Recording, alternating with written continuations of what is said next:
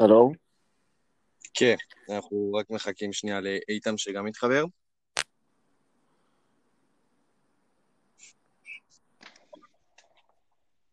אוקיי, אז אה, נתחיל. אהלן חברים, וברוכים הבאים לפרק מספר 9 של פוצל. אז אחרי uh, זמן רב שלא הקלטנו פרק, uh, משהו כמו חודש, חוזרים וחוזרים בכל הכוח. וחוץ מזה שכרגיל, גם אני וגם איתן נקליט היום, מצטרף אלינו אורח מיוחד, עידו גור מערוץ הספורט. אהלן עידו, מה נשמע? אהלן, מצוין, מעניינים. ברוך השם, איתן, מה איתך? אני בסדר גמור.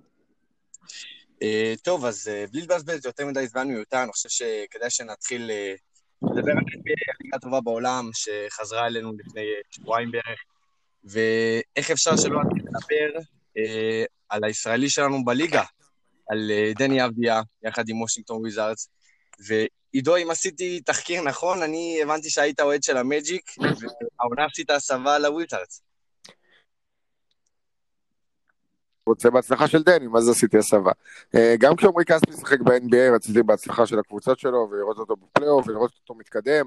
זאת אומרת, בכל מצב נתון, אם הוא היה פוגש את אורלנדו, הייתי מעדיף שהוא ינצח אותה, כנ"ל לגבי דני, כנ"ל לגבי כל שחקן ישראלי אחר שיהיה בליגה. בוא, שמע, לעוד קבוצת NBA זה סיפור אחר. אני, יש לי רומן עם הליגה הזאת, ואני אוהד את הליגה הזאת, ואני אוהב שחקנים, ואורלנדו זאת קבוצה שהתקבעתי עליה.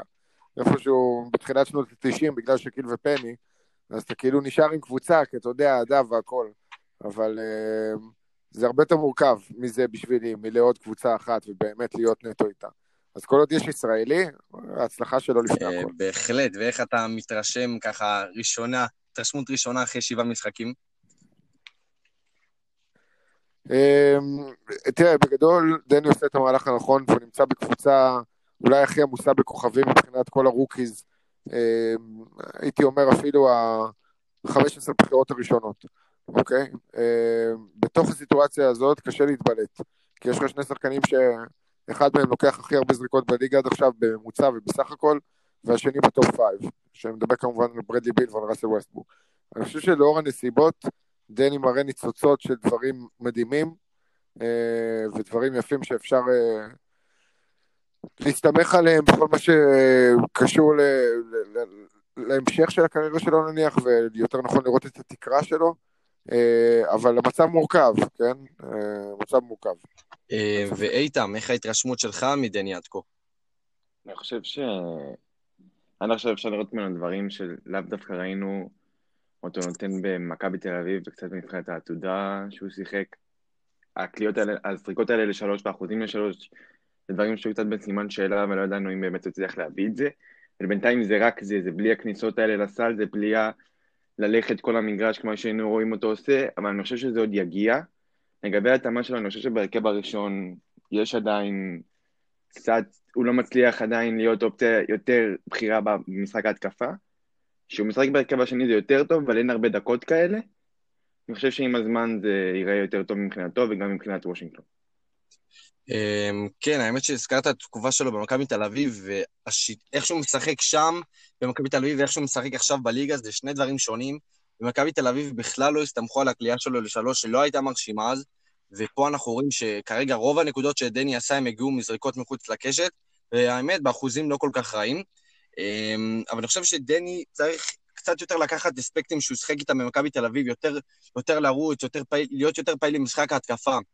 אנחנו רואים אותו, לצערי, עומד בפינה בלי לעשות יותר מדי שום דבר, וברגע שיש שחקן שרוצה בידוד, isolation, הוא פשוט רץ לפינה השנייה, ולא רואים אותו באמת חלק פעיל משיטת המשחק של סקוט ברוקס.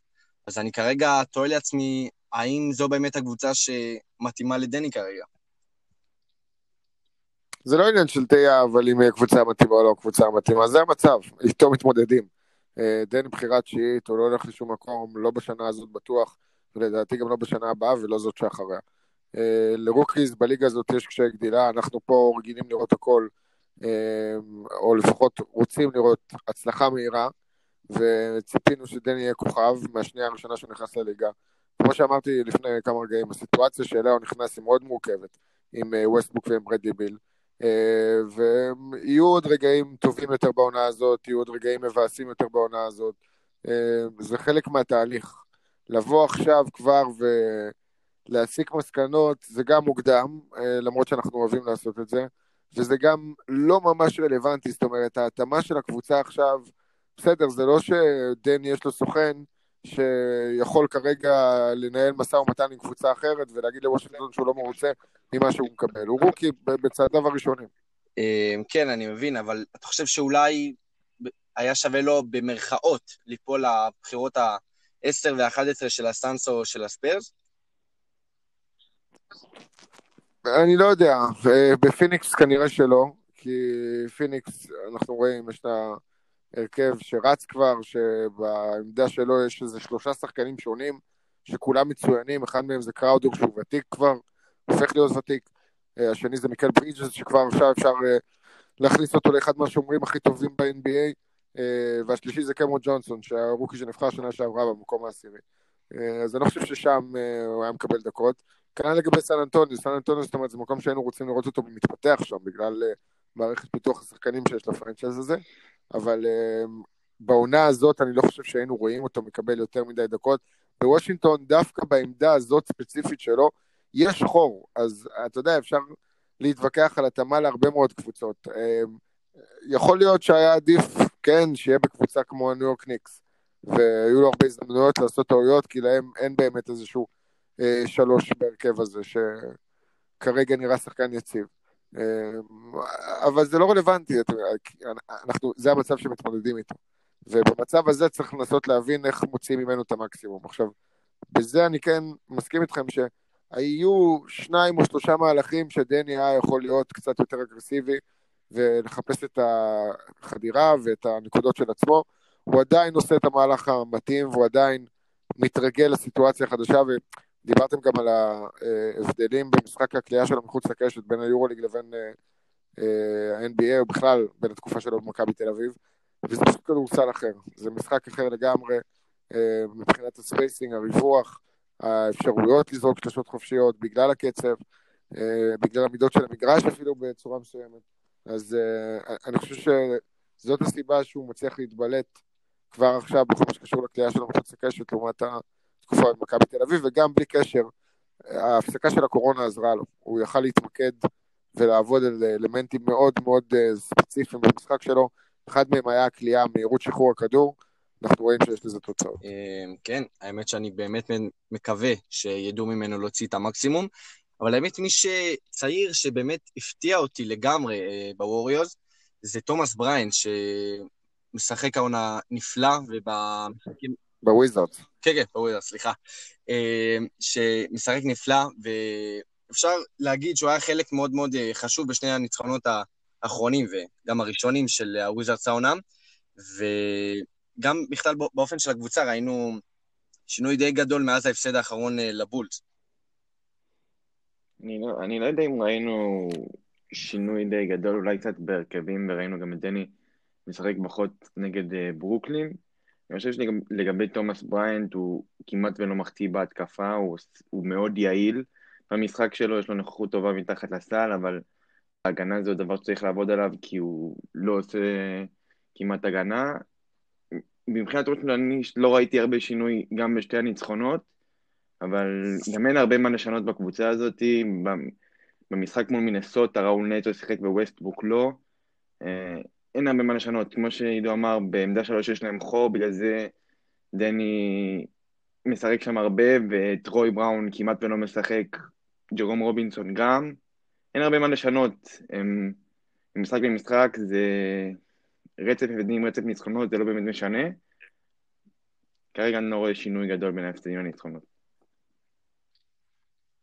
כן, יש בזה משהו. זאת אומרת, אה, ראינו את השינויים אולי ברוטציה של סקוט ברוקס, אבל זה לא באמת שינה בצורה מסוימת את סגנון המשחק.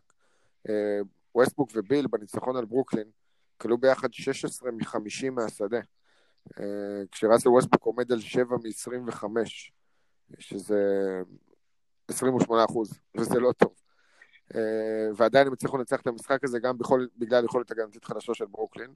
אה, וגם בגלל טעויות שם והחטאות, אתם יודעים, קווין דורנט בדרך כלל אמור לקלוע את הזריקה האחרונה החופשית הזאת מאזור אה, קו העונשין, אפילו קרוב יותר, אבל אה, טרוי בראון נמחק פתאום מהרוטציה, במשחק האחרון סופסל. ג'רום רובינסון מקבל דקות, דוויס ברטנס לפעמים משחק בשלוש קצת במקום דני, לפעמים בארבע. בגדול, אנחנו עדיין מצליחים לראות שסקוט ברוקס לא יתקבע על שום רוטציה. אה, חוץ מהזמנים של החילופים של פחות או יותר, וגם בריאנט לצורך העניין. מעבר לזה, שום דבר לא באמת יכול לשנות את הסגנון כדורסל הזה שראסל ווסטבוק משחק בו, וזאת עובדה מוכחת. זאת אומרת, אנחנו מסתכלים שנים על כל הקריירה שלו, גם באוקלאומה סיטי, גם בשנה אחת שהוא עשה ביוסטון. זה כדורסל ראסל ווסטבורג, הוא כבר לא יעשה את ההתאמות שלו, זה כמו לנסות לשנות אה, קשיש בן 70. too late. כן, האמת שנגעת ברוטציה, ואותי טיפה מאכזב שסקוט בורקס לא נותן אה, קרדיט למוריץ וגנר, עוד, אה, עוד שחקן בינלאומי שמשחק אה, בוושינגטון. גם הוא שחקן צעיר מאוד, בן 23 אם אני לא טועה, ועונה שעברה הוא קיבל יותר קרדיט, וטיפה חבל לי שעונם עברו רק שבעה משחקים, אני חושב שמגיע לו לקבל קצת יותר קרדיט. שוב, זאת עונה ארוכה, אני מניח שהוא יקבל יותר דקות בהמשך, אבל כרגע בגלל שרובין לופז יצטרף, אז uh, הוא נתקע שם בקצה של הספסל. תראו, בגדול, קשה להשוות בין וושינגטון של העונה הזאת לעונה שעברה. כי בעונה שעברה, ג'ון וול היה פצוע מתחילת הדרך, והיה ברור שזה ברדלי ביל מנסה להוביל חבורה של שחקנים מאוד צעירים, אולי אה, לתת fight על פלייאוף. לא היה באמת fight, איכשהו הם, הגיע לבועה, הם הגיעו לבועה בסופו של דבר, בלי ברדלי ביל, בלי דאביס ברטאנס, עם אפשרות לתומאס בריאנט ולטרוי בראון אה, לקבל את הבמה כמעט לבד. והאצ'ימורה כדי להתנסות בעצם, ולא באמת uh, להיות עם אספירציות של ניצחון. אז השחקנים האלה הצליחו להתבלט. השנה, ההגעה של ווסטברוק, וגם אם ווסטברוק לא היה מגיע, החזרה של ג'ון וול מהפציעה, ישר הופכת את וושינגטון לקבוצה שרוצה לעשות פלייאוף. אה, וזה טורף את כל הקלפים, גם ברמת הרוטציה וגם ברמת ההזדמנויות ששחקנים מקבלים. בגלל זה סקוט ברוקס, במשחק נגד ברוקלין, מעבר לשחקנים שנמחקו או לא, ולדקות של דני, או יחד איתה עם שני הפקטורים האלה, הוא שיחק ברוטציה של משחקי פלייאוף, אה, ומתקדמים אפילו, עם שבעה וחצי, שמונה שחקנים בערך. אתה יכול לראות את הלחץ עליו, אפשר היה לראות בסיום על איזה שריקה לפה, שריקה לשם. אה, יש פה מטרות, ווושינגטון התחילה את העונה שלה בצורה מאוד מאכזבת, וההפסדים שלה גם היו לקבוצות חלשות בסופו של דבר, עם כל הכבוד לפתיחה הסבירה של שיקגו. שני הניצחונות, שניים הניצחונות האלה היו על וושינגטון, ושני הפסדים לאורלנדו, אז פילדלפיה בסדר נניח. אמ, אבל זה לא היה אמור לקרות, וזה כבר עכשיו משפיע על שחקנים מסוימים ופוגע בדקות שלהם, ומקצר את הרוטציה. כן.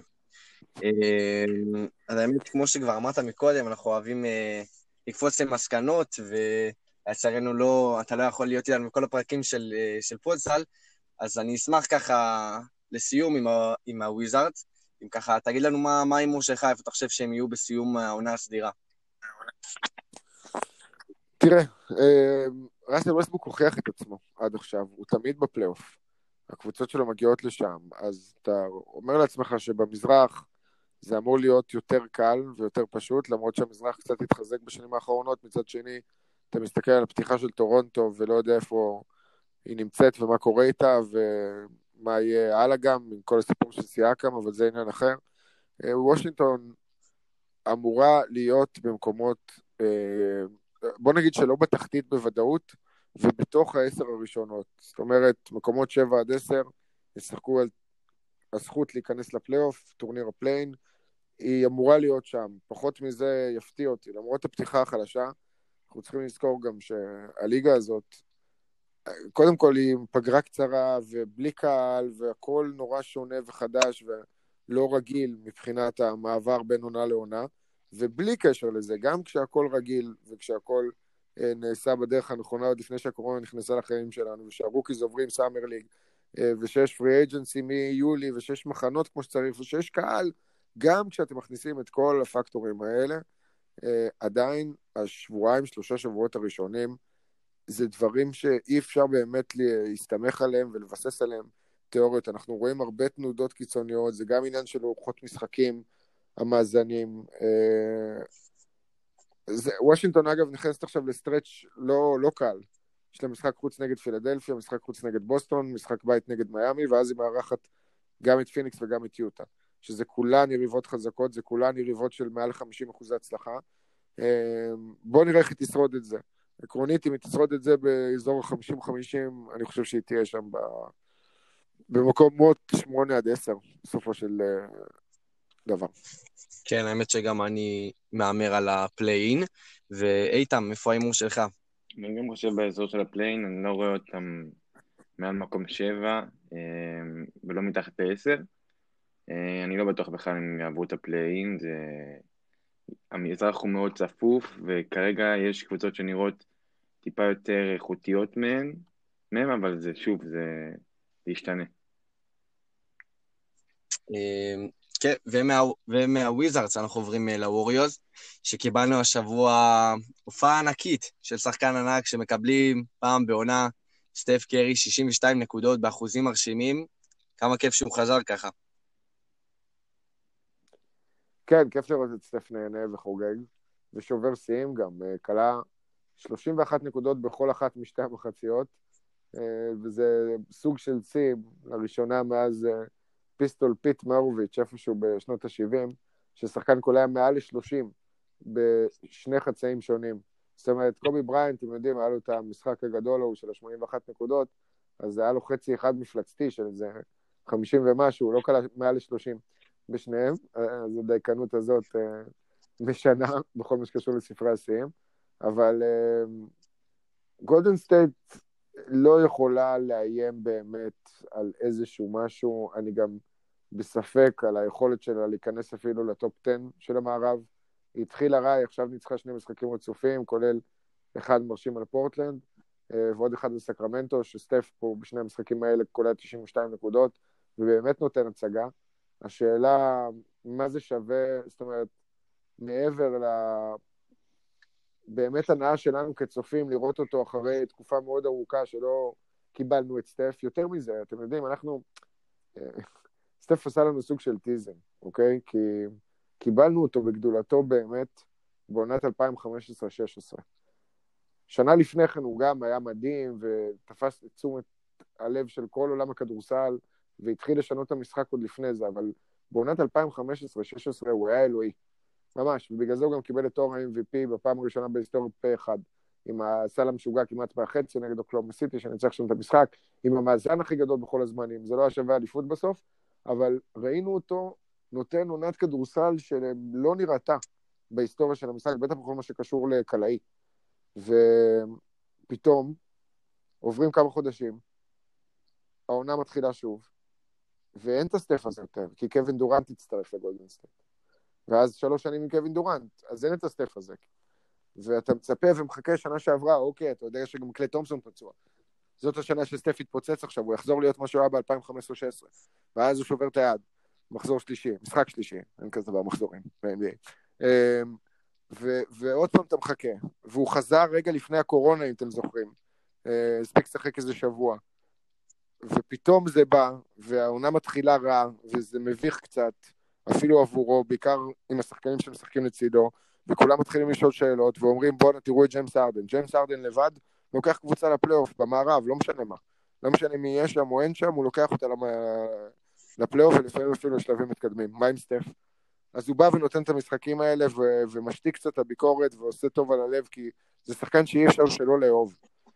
אבל, יחד עם זאת, גולדן סטייט בבעיה לדעתי. אני גם חושב ש... גולדן סטייט בבעיה, אני לא יודע אם בגלל סטף קרי, הוא, אני חושב שאת המספרים שלו הוא יביא, אבל מסביבו זאת קבוצה מאוד יציבה, יכולה להפסיד ב-30, להצליח ב-30, מנצחת ב-30 של סטף קרי, קולע 60 נקודות, זה לא, זה כנראה לא יקרה עוד הרבה פעמים בשביל שהם יהיו בפלייאוף. אני חושב שכרגע, מה שיש מסביבו זה אולי קבוצה עם שתי שחקנים מאוד אתלטיים, ויגינס ואוברה, ו... עוד המון שחקנים צעירים, הרבה מאוד גם חסרי ניסיון. כרגע זה נראה לא מספיק, אני חושב שגולדן תהיה קבוצה מאוד לא, לא יציבה, ואני כרגע לא חושב שהיא תהיה באזור הזה של הפליי-אין. אמ, והחזרה של דריימון גם מאוד עזרה במשחקים האחרונים, אבל שוב, אני חושב שהם יהיו מאוד לא יציבים, וכנראה שהם לא, לא יהיו באזור הזה של הפלייאים. כן, אה, האמת שגם אני חושב שהבעיה היא אה, סביב מה שקורה לסטף, ואני אני, בתחילת ה... עוד לפני שהתחילה העונה, אני עשיתי תחזיות ושמתי אותם בערך במקום הרביעי, ואני מבין שטעיתי ובענק, לפחות לפי איך שזה נראה כרגע. קלי אוברה, זה פשוט לא קלי אוברה שהם ציפו לקבל. אה, אנדרו ויגן, סביר, לא, לא רואה אותו באמת עושה דברים גדולים יחד עם סטף קרי. ג'יימס וייזמן, לדעתי, זה משהו שהוא טיפה נקודת אור, אבל אני חושב שאם הווריוס באמת רוצים לעשות משהו גדול השנה, למרות החיסרון של קליי, לא חושב שזה, שזה הצוות שצריך להיות uh, מסביב. כן, הצוות המסייע זה הבעיה המרכזית. אה, זה והעובדה שגם אין את קלי תומפסון, כן? אבל אה, ויגנס, אני לא רואה אותו מצליח לשנות בצורה מהותית את סגנון המשחק שלו. אולי כשהוא יהיה הרבה יותר מבוגר, כמו כרמלו אנטוני, אה, יהיה לו איזה סוויץ' בראש, אבל זה לא שם וזה לא מתקדם לשום מקום, וזאת כבר עונה שביעית שלו. לגבי קלי אוברה, הוא פתח קטסטרופה ב... את הפתיחה הכי גרועה אי פעם, עם 0 מ-17 ל-3, ועומד על 1 מ-25. אתמול נגד סקרמנטו, אני חושב שהוא שם כבר איזה שלוש שלשות, אה, והמצב התחיל להשתפר, אבל הוא שחקן יותר טוב ממה שהוא ראה עד עכשיו. אה, ואני חושב שהוא התאושש. אבל עדיין, זה לא, זה לא מספיק. זאת אומרת, זה שחקנים שהם פחות מסירה. הם יותר אה, חדירה ומחפשים לסיים בדנקים. לאוברה עד, עד לפני שני משחקים הייתה איזו סטטיסטיקה מטורפת שעומד על אפס מ... איזה כמעט 30 במשהו שלא היה טבעות. זאת אומרת, כל הנקודות שלו הראשונות העונה, בארבעה המשחקים הראשונים שנכנסו, היו בדנקים, חוץ מכמה זריקות עונשין. אה, ווייזמן באמת נראה נחמד וסבבה, אבל אה, אתה שואל את עצמך, גם סטף הוא לא שחקן ממש של pick and roll ים גבוה. אה, הוא אוהב את ה pick and roll ים שהם שחקנים יותר קלעיים, או בסגנון של דורנט, שיכולים גם לייצר לעצמם, ולא ראיתי אותם יותר מדי עובדים על זה עד עכשיו. ואם אתה לא מביא את הגבוה הזה ל pick and roll, אז, אה, אז מה בעצם? אם יש לו יכולת קליעה מחוץ לקשת, אבל אני מניח שאלה דברים שעוד יקרו. אה, בכל מקרה, גולדן סטייט צריכה לחכות שוב שנה. כשקליי תומפסון משחק והוא בריא, ויהיה מעניין לראות אותו אחרי שנתיים, אבל יש לי תחושה שהוא יהיה בסדר איכשהו, תחושת בטן כזאת, אז גולדן סטייט חוזרת להיות אה, קבוצה שהיא איום לכל אה, יריב, ויכולה לנצח ויכול, ואמורה להיות גם ב... בוא נגיד שאם קליי תומפסון היה משחק בעונה הזאת, ההימור שלך ל top 4 היה רלוונטי. כן. אמ, השאלה שלי זה האם trade כבר בשלב הזה על קלי אוברה, אולי אפילו על ויגינס זה משהו שלוקחים בחשבון או שבכלל לא? לא בטוח שיש להם בשביל מה לעשות. אמ, לא בטוח שיש להם בשביל מה עכשיו להעביר את אחד מהם, אני חושב שקל יובר מסיים חוזה בסיום העונה הזאתי. את ויגינס אני לא רואה אותם מעבירים, אני חושב שהם ישמרו, אותם, ישמרו אותו עוד קצת לפחות עד, עד הקיץ. את, את אוברי אני חושב שיש, שיש סיכוי טוב שהוא יעבור, אולי לא בתקופה הקרובה, אולי קצת אחרי, בגלל שהוא מסיים את החוזה שלו בקיץ. אני חושב ששתיהם יש להם בערך את אותם יכולות, זה לא כל כך מסתדר בין שתיהם כרגע. אני אישית הייתי מעביר את אוברה ולא את ויגינס, אבל אה, אני חושב שכרגע זה לא יקרה, אולי עוד, עוד קצת זמן.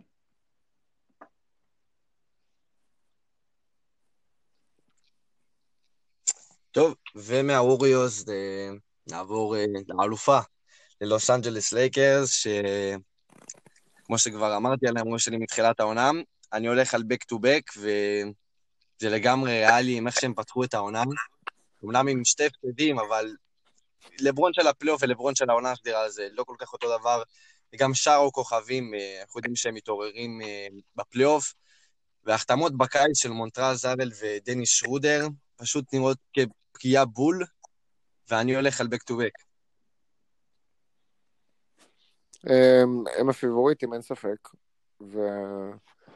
והקיץ או הפגרה, יותר נכון, הייתה יחסית מוצלחת עבור הלייקרס. ועדיין, יש איזשהו שינוי מהותי, איזשהו שינוי קונספציה ממה שראינו בשנה שעברה. הייתה לקבוצה הזאת הרבה יותר זהות, אה, והיא איבדה מה, מהכוח שהיה לה בתוך, בתוך הצבע. גם ג'אבייל מגי וגם דווייט האוורד הלכו, וזה התחלף בגדול במארק גאסול ובמונטרז, עכשיו, מונטרז ושרודר זה שני שחקנים נהדרים, שלא סתם היו הפרונט ראנרים בהצבעות לתואר השחקן השישי של העונה, כשמונטרז זכה ושרודר הגיע שני.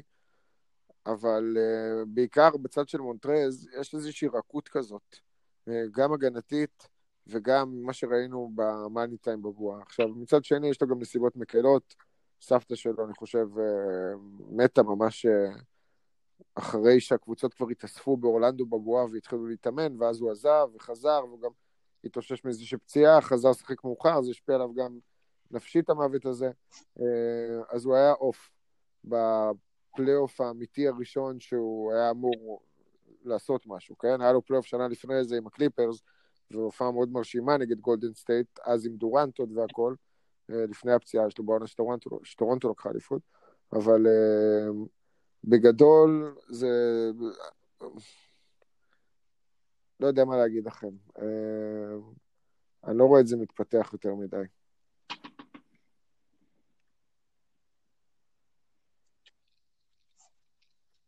האמת ששחקן שאני חושב ש...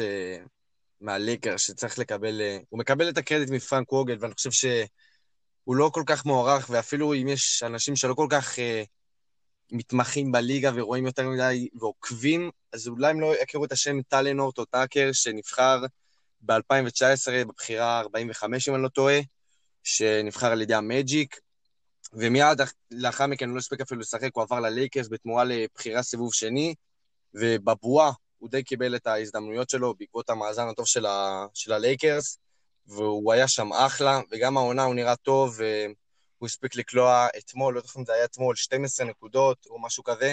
אני חושב שצריך לקבל קצת יותר הערכה. אני חושב שהוא לא... הוא לא הראה משהו יוצא דופן בינתיים ב-NBA, חוץ מקצת בבועה, קצת ב off season. אז גם אם יקבל קרדיט, כנראה יהיה משהו סביר, אבל זה לא... אני לא חושב שזה משהו יותר מדי משמעותי בשביל הלייקרס. לא, הסיפור של הלייקרס זה סיפור מאוד ברור, זה גם לא משנה, הדברים שאני ציינתי לגבי הקו הקדמי שלהם ולגבי השינוי זהות, אם תרצו לקרוא לזה ככה בצורה מסוימת, אה, זה גם לא אומר שהקבוצה הזאת הפכה להיות פחות חזקה, או פחות פיבוריטית, נהפוך הוא. יש שם את לברון ג'יימס ואת אנטוני דייוויס. נכון להיום, מדובר בשני השחקנים הכי טובים בעולם, פשוט כך. זאת אומרת, אפשר להתווכח מי במקום השלישי כרגע, קוואי, ארדן, לוקה, אה, יש שיתחילו לזרוק גם אה, כמובן יוקיץ', יש שיכניסו את השם גם של טייטום פנימה, אה, אבל הפנטזיסטים גם הולכים על סטף ועל לילה, אבל מבחינתי אלה השמות הבולטים יותר. ודייוויס ולברון הם שני השחקנים הכי טובים בעולם. וכשיש לך את השניים הכי טובים בעולם, אתה כבר ביתרון עצום, בטח אחרי שדייוויס כבר הוכיח את עצמו וזכה באליפות אחת. והתיאבון של לברון זה לא משהו שהולך אה, להיגמר. והיכולת שלו, כמו שזה נראה, גם, לפחות בעונה הזאת, וכנראה גם בעונה הבאה. אז אה, הלייקרס חזקים, לא משנה מה, והם יותר בנויים לקחת אליפות בכל מה שקשור לריצה אחת בפלייאוף. אמ, כמובן, כל עוד דייוויס יהיה בריא. לברון אנחנו יודעים כבר שהוא בריא, אין אה, מה לדאוג.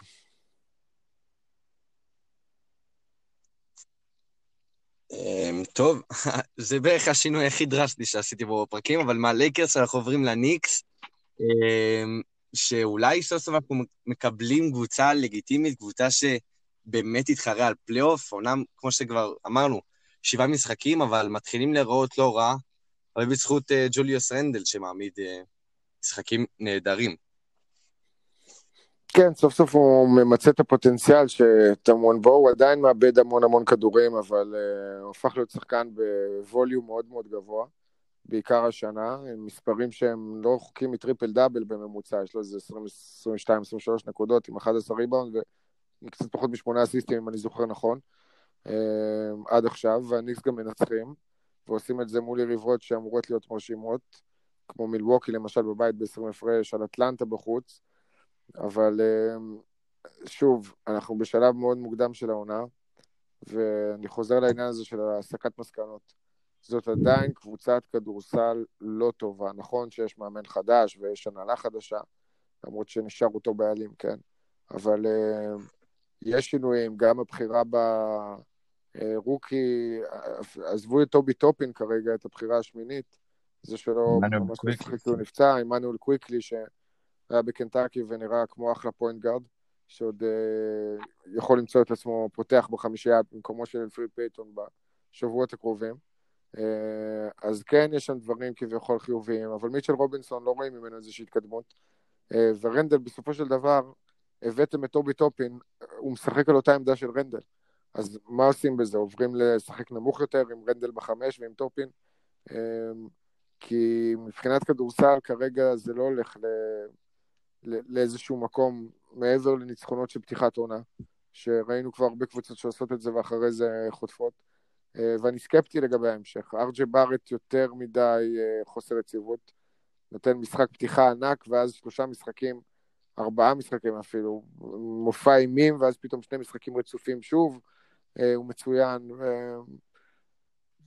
אני רוצה הניקס, לפחות כרגע, עדיין, בעיניי, למרות הפתיחה הלא רעה שלהם. אני חושב ש... שהם... שזאת... זאת... כמו שאמרת, להסיק מסקנות עכשיו לגביהם זה טיפה מוקדם, אני חושב שהם לא, לא יהיו בכלל באזורים הגבוהים של המזרח השנה. יש שם, משחקים כמו קבוצה שאין הרבה מה להפסיד, כי באמת אין הרבה מה להפסיד.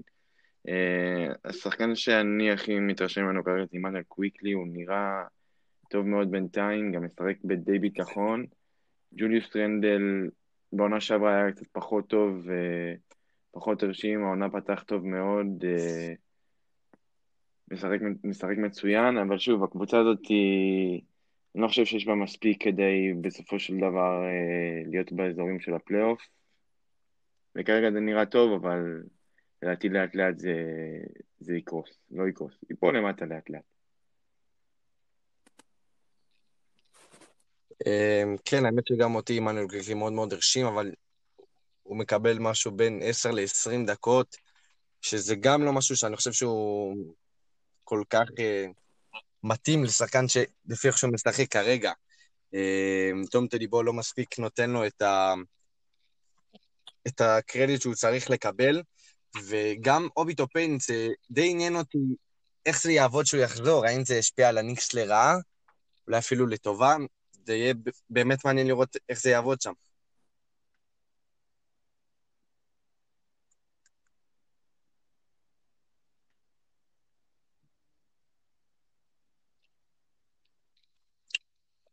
וגם ג'וליוס רנדל, אה, סליחה שלא, שלא כל כך נגעתי בו. אה, מקבלים פה כבר במשחקים המוקדמים אה, מועמד רציני לשחקן המשתפר. אבל אני חושב שזה יהיה מאוד מאוד תלוי ביכולת שלו לסחוב את הניקס על הגב שלו, וזו משימה שרבים וגדולים ממנו כשלו בה. האם הוא יצליח לעשות את זה? אני, כמו שעידו אמרת, אני, אני סקפטי. Uh, כן, uh, התנתק לי קצת לרגע. שמעתי את כל הדברים שלך עכשיו. אני מניח שדיברת על רנדל? כן, דיברתי על רנדל, לא- והיכולת שלו לא לזכות לא אה, כבר בהתחלה. אה, וזה תלוי בבארט וברנדל כרגע, ואובי טופין נראה מתי הוא ישחק, מתי הוא יחזור מהפציעה, שלא אמורה להיות יותר מדי רצינית, אבל איך הוא ישחק כשהוא באותה עמדה כמו רנדל והוא ב usage rate כל כך גבוה, אבל בסדר, הניקס מנצחים קצת, אתם יודעים, יש, אני אגיד לכם מה משנה הטורניר ה play-in. ולמה הוא הופך את העונה להרבה יותר מעניינת והרבה יותר תחרותית. ובסופו של דבר, מסתכלים על זה בצורה רחבה יותר, הקבוצה שנמצאת במקום העשירי יכולה למצוא את עצמה בפלייאוף. עכשיו, מקום עשירי בדרך כלל, ומקום 13 נניח, אין שם פער יותר מדי גדול בין המקומות האלה. זאת אומרת שגם קבוצות שנמצאות במקומות ב- ב-. בתחתית של הטבלה, לא הכי גרועה, אבל קצת מעליה, יכולה להסתכל וביום בהיר לראות צ'אנס לשחק בפלייאוף. אז הניקס נראה שגם יהיו קבוצה כזאת השנה, גם שנה שעברה הם לא היו כבר הכי גרועים בליגה בצורה מביכה. הם, הם יהיו לפחות באזור של ה play-in, לדעתי, לרוב שלבי הדרך. אבל אה, לא חושב שהם מספיק טובים בשביל להיות אפילו בעשר הראשונות במזרח. ולגבי עמנואל קוויקלי, אתה חושב שתום תיבודו ייתן לו קצת יותר קרדיט, או שזה יישאר כן, ככה? תשמע, אמרתי קודם, הוא מוכשר. טיבס אוהב אותו. אה, מניח שתוך כמה שבועות הוא ישחק בחמישייה כבר. מקווה מאוד, כי כרגע זה נראה שיש לו הרבה מה לתרום. אמ, וזה שחקן שהפתיע אותנו, אה, וככה, עוד לפני הפרק אמרנו להכין ככה שחקן אחד שעד פה הפתיע אתכם לטובה, ואחד שהפתיע אתכם לרעה. אז אה, עידו, אתה רוצה שחקן להתחיל? שהפתיע אותי לטובה. כן. תשמע, מוקדם מדי כרגע. אני חושב שיש שחקנים שפתחו טוב מאוד, ו... ואפשר היה לצפות את זה מהם. אני לא, נניח קריסטיאן ווד, אני לא מופתע לטובה, כי זה מה שציפיתי לראות ממנו, נניח. סי.ג'ו מקולום, אני לא מופתע לטובה מהפתיחה שלו, כי אני יודע שיש לו את היכולות האלה, כן? אז uh, זה נפל לו ב stretch של השבוע פתיחה, זה דברים שהוא עשה גם במהלך העונות שלו בליגה. אה, ויש עוד לא מעט שחקנים שפתחו בצורה מרשימה. אה, אני חושב שההפתעה היחידה באמת כרגע, אם אפשר לקרוא לזה הפתעה כי זה rookie, אחרי הכל זה פייתון פריצ'ארד מבוסטון. בחירה 26 בדראפט, שנראה כמו שחקן בוגר כבר לגמרי, כליאה מצוינת, חודר, שומר, ג'יי ג'יי רדי כזה, אבל uh, עם יכולות uh, ניהול משחק, ולא רק uh, רץ מאחורי חסימות. Uh, זה מבחינתי מישהו שהפתיע אותי. זאת אומרת, זה שהוא שחקן טוב, אבל לא הייתי, לא חשבתי שהוא כל כך מוכן וייכנס לליגה בצורה כזאת טבעית, ובניצחון אתמול על טורונטו, הקלה השלישי אחרי טייטום ובראון, אתה יודע מה? אפילו לפני בראון, 23, בראון 19 נראה לי. כן. ולרע מישהו שאכזב אותך עד כה? אמ, אני חושב שמוקדם מדי להתאכזב מצד אחד, מצד שני יש הרבה שחקנים שלא פתחו טוב, כמו שהיית מצפה מהם. אה, אולי המרכזי שבהם מבחינת היכולת ומה שאתה מצפה לראות ממנו לעומת מה שאתה מקבל עד עכשיו זה פסקל סיאקם, שמשהו שם לא ברור ביחסים שלו עם טורונטו, שהשתה אותו למשחק בגלל שהוא ירד לחדר הלבשה אחרי שהוא עשה שש עבירות, ואז משחק אחרי השעיה הוא שוב סיים שש עבירות, וזה שחקן שקיבל את תואר השחקן המשתפר של השנה, ו... אמ, אולסטאר בשנתיים האחרונות, אם אני זוכר נכון, אה, ואחרי העזיבה של קוואי, כולנו היינו בטוחים שנראה אותו משתלט על העמדה הזאת והופך להיות מגה סטאר ב-NBA, אז הפתיחה שלו בעיניי קצת מאכזבת. אה, אפשר להגיד ש... דונובין מיטשל פתח ככה ככה, אבל בסדר, הוא בקבוצה שמנצחת וזה לא כזה קריטי. יש את השחקנים הצעירים של השנה השלישית-שנייה, שציפיתי לראות פתיחה יותר אה, חדה מהם, אה, אבל הם בקבוצות חלשות, אז קשה להאשים. נניח שגיג'ס אלכסנדר מאוקלאומה סיטי וקובי ווייט משיקגו. אה, אבל אני חושב שיש עוד פה ושם, בסופו של דבר, שבועיים של כדורסל. אפשר להתחיל להבין באמת איך זה נראה מבחינת ממוצעים של שחקנים, רק אחרי איזה חודש וחצי כזה.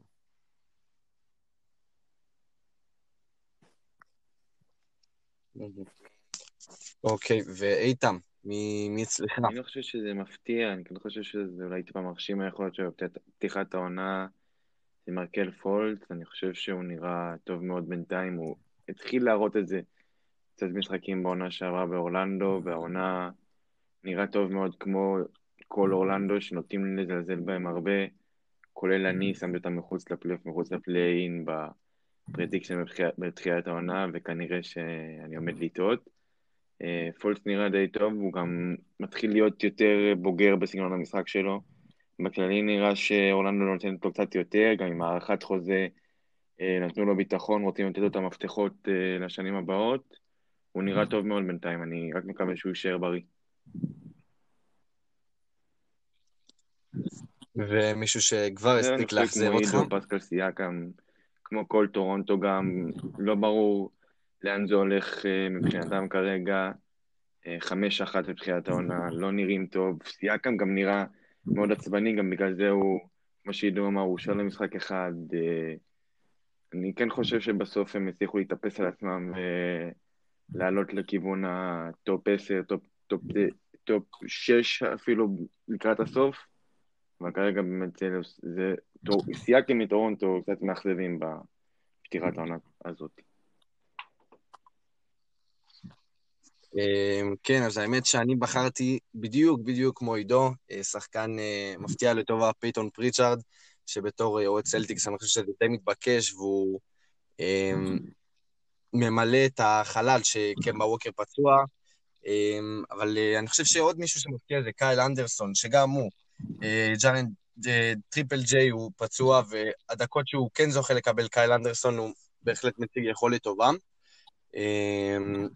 ומי שאכזב אותי, גם פסקל סיאקם, אבל גם כמו שאמרתי בתחילת הפרק, קלי אוברה, שפשוט לא, לא נראה ככה, ובינתיים הוא מעמיד את האחוזים הגרועים ביותר שלו אה, מתחילת הקריירה, אולי חוץ מהשנתיים הראשונות שלו בליגה, אבל באמת אחוזים מחרידים, וזה נראה שהוא עוד לא שם, אולי המעבר לקבוצה גדולה עם ציפיות באמת באמת גדולות, לא, לא מתאימות לו. גם דיאנג'לו ראסל אכזב, אם אתם מצפים למשהו ממנו כבר, כאילו, בשלב הזה של הקריירה שלו. כן. טוב, אז עד כאן אה, פרק מספר 9 של פודסל. תודה רבה לאיתם, תודה רבה לעידו. אה, לא מובן מאליו בכלל לפנות לנו את הזמן.